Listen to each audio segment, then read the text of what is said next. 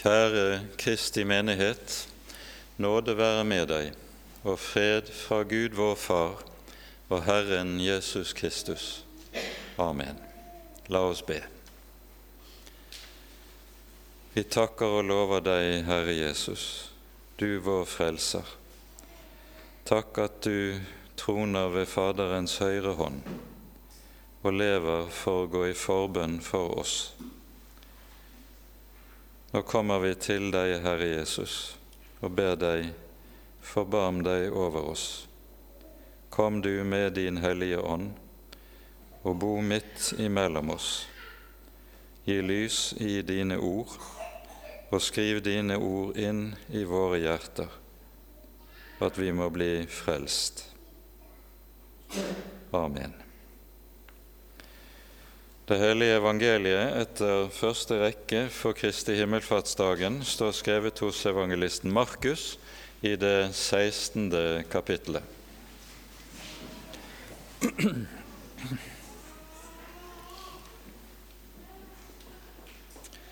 Så ble Herren Jesus, etter at han hadde talt dette til dem, tatt opp til himmelen, og han satte seg ved Guds høyre hånd. Men de gikk ut og forkynte, all, forkynte overalt, og Herren virket med og stadfestet ordet ved de tegn som fulgte med. Dette var ordene, Hellige Far. Hellige oss i sannheten, ditt ord er sannhet. Amen.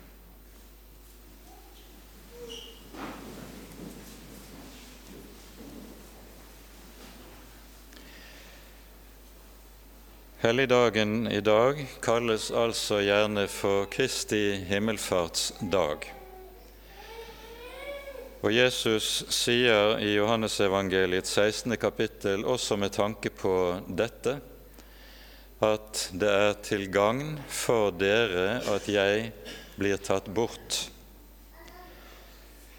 Dette gjaldt i første omgang hans undervisning om korset, som lå umiddelbart foran, men det gjaldt i neste omgang nettopp det som skjer Kristi himmelfartsdagen. Også det at han opphøyes til himmelen, setter seg ved Faderens høyre hånd. Det er til gagn for oss, til gagn for hans folk, til gagn for hans menighet.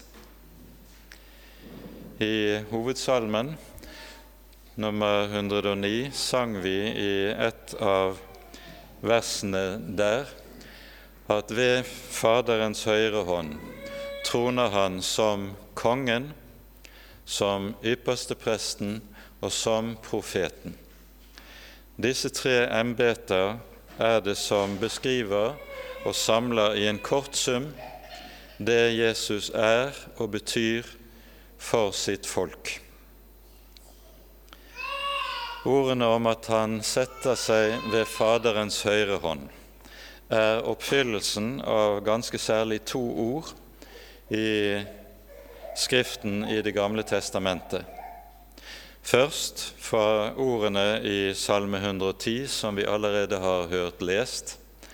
Herren sa til min Herre, sett deg ved min høyre hånd til jeg får lagt dine fiender til skammel for dine føtter.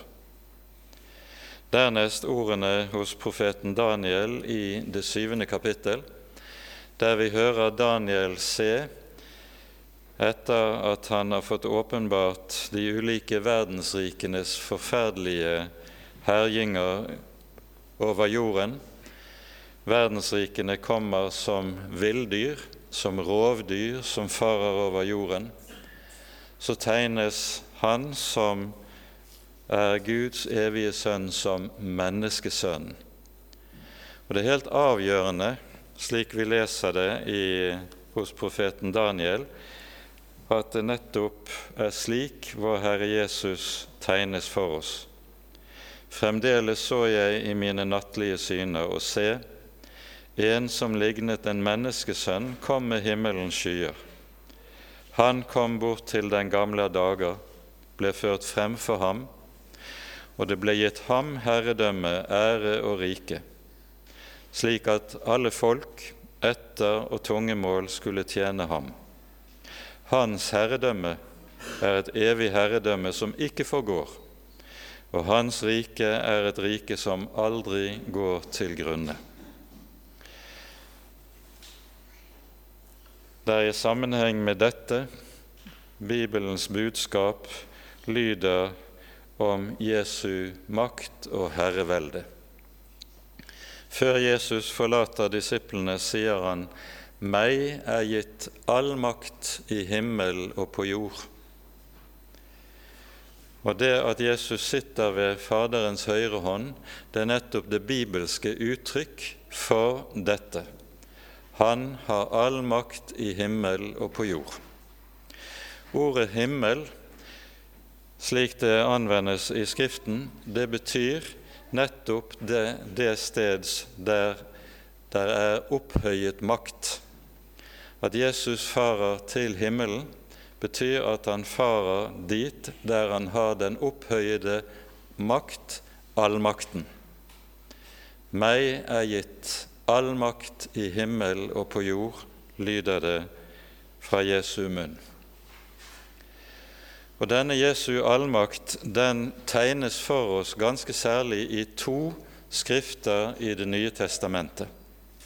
For det første i apostlenes gjerninger, og for det andre i Johannes' åpenbaring.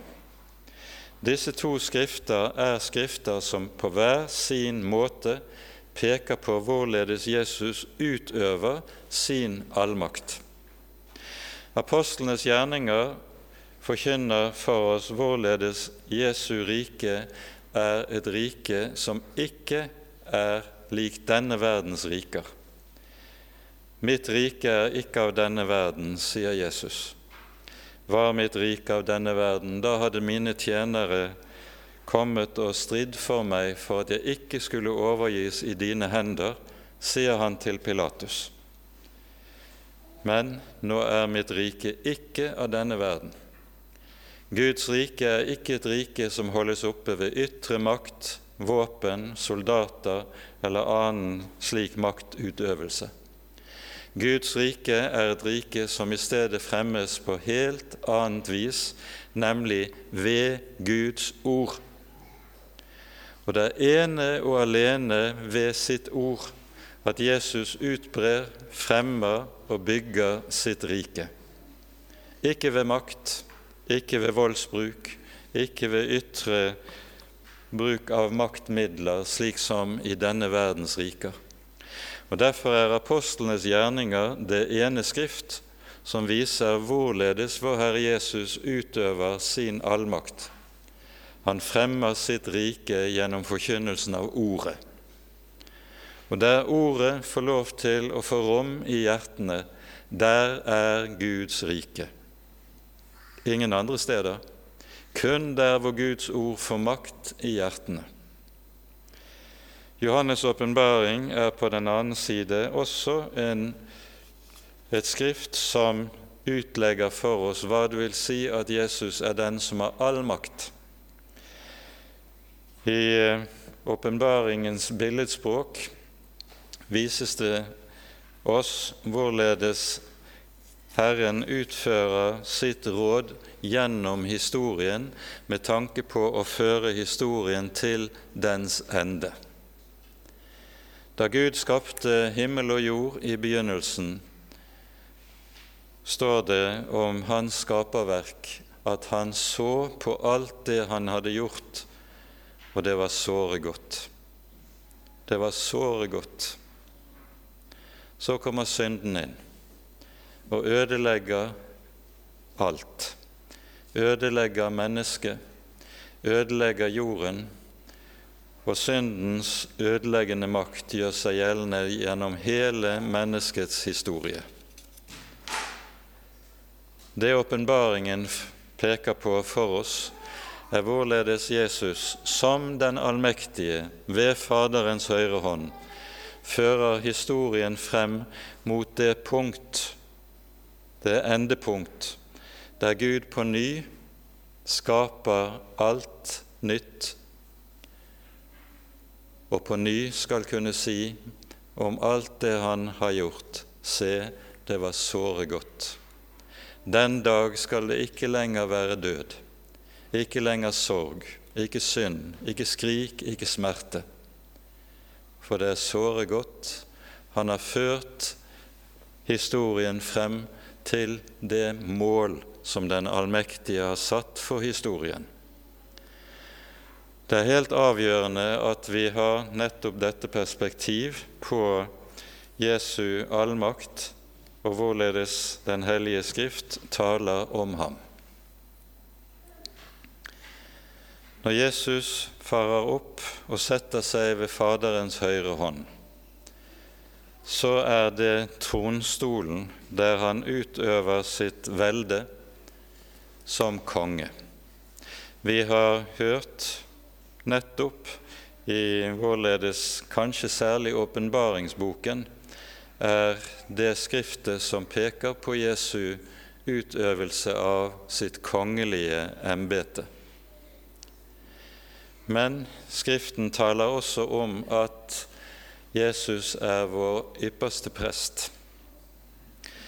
Ypperste presten han har en dobbelt gjerning. For det første er hans gjerning den at han er satt til å gjøre soning for folkets synder. Denne soning har Jesus fullbyrdet på korset. Korset, langfredagen, er den store forsoningsdagen der Jesus tar bort fra Guds ansikt alt det som stenger veien til livet, til saligheten, til frelsen. Ved sin død bærer han all menneskets synd inn i graven og lar den ligge der. Og så trer han ut av graven med liv, salighet, håp og rettferdighet som han deler ut med villig hånd til hver den som tar imot ham. Han er vår ypperste prest som har gjort soning for alle våre synder. Så setter han seg ved Faderens høyre hånd, og så sier Skriften om hans gjerning som vår ypperste prest der, at han lever for å gå i forbønn for oss. Og så sies det derfor kan han også fullkomment frelse alle dem som kommer til Faderen ved ham. Legg merke til at det sies at han kan fullkomment frelse. Han kommer med, ikke med en frelse som er halvveis. Han kommer ikke med en frelse som er stykkevis og delvis, der du og jeg skal skjøte på med det vi måtte ha å komme med. Nei, han kommer med en frelse som er fullkommen og Derfor kan han fullkomment frelse mennesker som intet har å komme med selv, som står innenfor Gud, innenfor evigheten og innenfor dommen som fattige og hjelpeløse med bevende hjerter. Det er til slike han er kommet. Det er slike han er kommet for å gi sin fullkomne frelse. Han lever for å gå i forbønn for deg. Tenk på det. Det er godt at vi som Guds barn kan komme til hverandre når vi har det vanskelig, og spørre hverandre kan du be for meg. Jeg sliter, vi er oppe i en meget vanskelig situasjon. Hvor meget større er det ikke at du kan komme til Jesus? Og han, han har lovet å be. Ja, det sies han lever for å gå i forbønn for deg og for meg. I dette ligger det en veldig gave. Til sist tales det også om Jesu profetiske embete. Disse tre embeter, konge, prest og profet, det var jo de tre embeter og tjenester som var innstiftet av Gud i den gamle pakt, og som ble innviet ved hjelp av salving med olje. Ypperstepresten ble salvet, kongen ble salvet, og vi hører om noen av profetene som også salves. Salving, det er det messianske embetet. For salving på hebraisk det er nettopp Messias, Mashar på hebraisk. Og som vår Messias så innehar Jesus disse tre embeter. At Jesus er profeten, innebærer at det er Han som gir oss Guds ord. Og Jesu profetiske embete utføres på dobbelt vis. For det første på det vis at han sender sin ånd over apostlene, og apostlene gir oss Det nye testamentet. Det nye testamentet er Jesu praktiske utøvelse av sitt profetiske embete, og det er det Guds ord som han kom til oss med gjennom sine apostler. Dernest hørte vi lest fra Efeserbrevets fjerde kapittel at ved sin opphøyelse ga han menneskene gaver. Det siteres fra Salme 68 i eh, Efeserne 4. Der leste vi slik.: Han for opp i det høye, bortførte fanger og ga menneskene gaver. Og hvilke gaver er det han gir menneskene? Jo, det sies han er den som ga noen til apostler, noen til profeter, noen til evangelister, hyrder og lærere. Han innstifter ordets tjeneste. Alle disse fem tjenester som er nevnt her, det er tjenester med Guds ord. For det er med sitt ord han bygger sin menighet og sin kirke her i verden. Og Derfor er disse tjenester Guds gaver til hans folk. Men vi skal merke de er Guds gaver til sitt folk utelukkende i den mening at disse utøver sin tjeneste som redskaper for Guds ord. Altfor ofte har det vist seg i Kirkens historie at profeter, apostler, hyrder og lærere taler sine egne tanker i stedet. Da er de ikke Guds gave til sitt folk. Da er de djevelens tjenere. For de er Guds gave, Kristi gave til sitt folk, kun i samme mening som de bærer til Guds folk Guds ord det ord som er gitt oss i de hellige skrifter.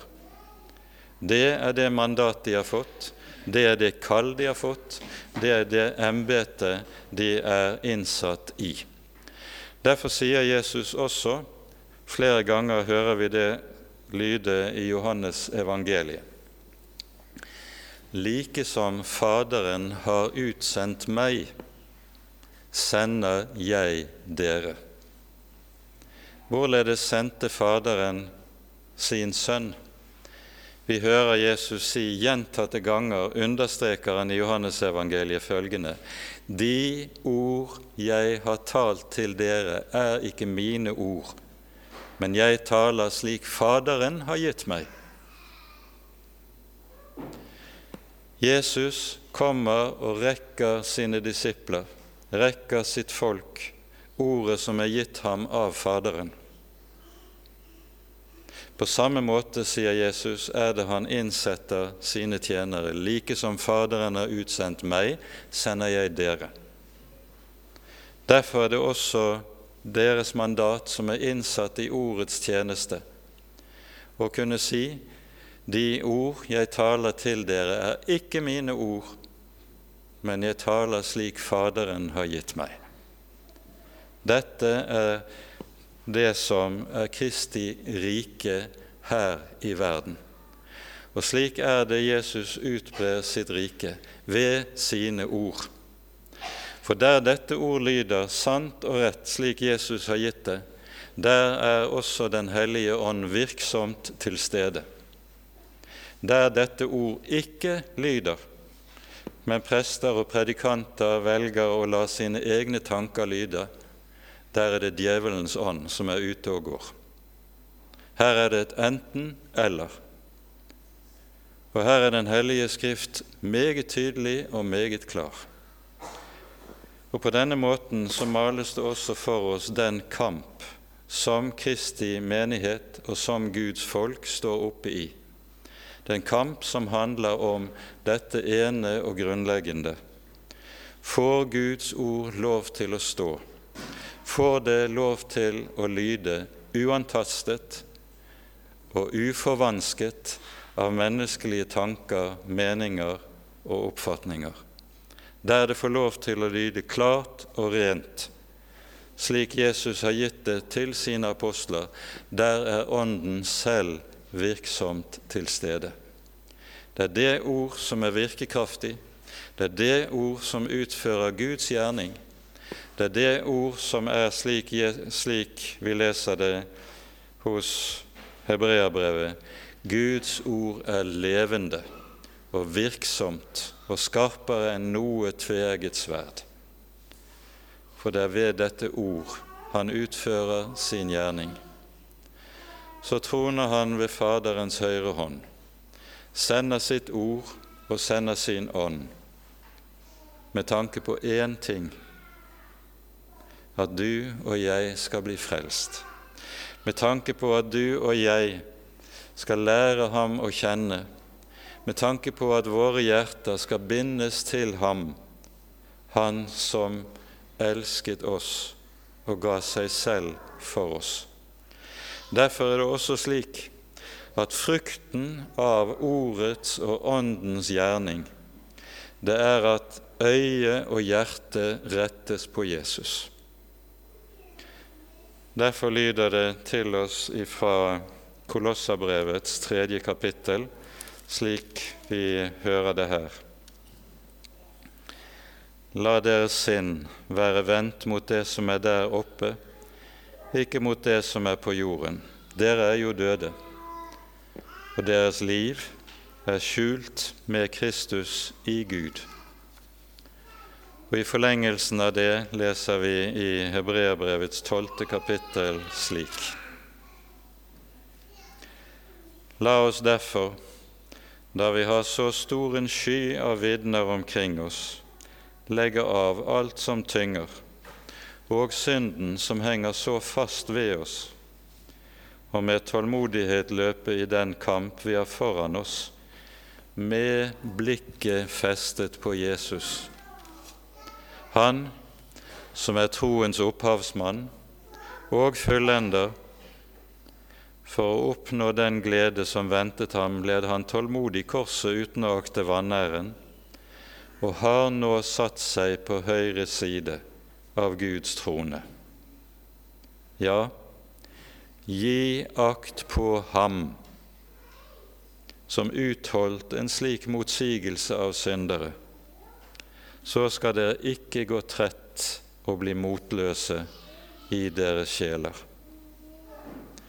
Hva er det som er kilden til at et kristent menneske går trett? det er når blikket festes på alt annet enn Jesus. Du fester blikket på all den motgang, all den nød, all den smerte du er utsatt for her i verden. Og så går du trett fordi at det synes som om dette aldri tar slutt. Eller du blir motløs. Hvordan er det vi blir motløse? det er når vårt blikk rettes mot våre egne hjerter, og vi blir, ser hva som bor inni våre egne hjerter av halvhet, lunkenhet, svikt og synd. Ser du på ditt eget hjerte, da har du sannelig grunn til å bli motløs. Men, sies det her, gi akt på ham. Gi akt på ham. Da skal du ikke gå trett og bli motløs i din sjel. Om løpet enn er langt, gir du akt på ham, da har du alt du trenger for å nå målet. Ære være Faderen og Sønnen og Den hellige ånd, som var og er og være skal en sann Gud høylovet i evighet. Amen.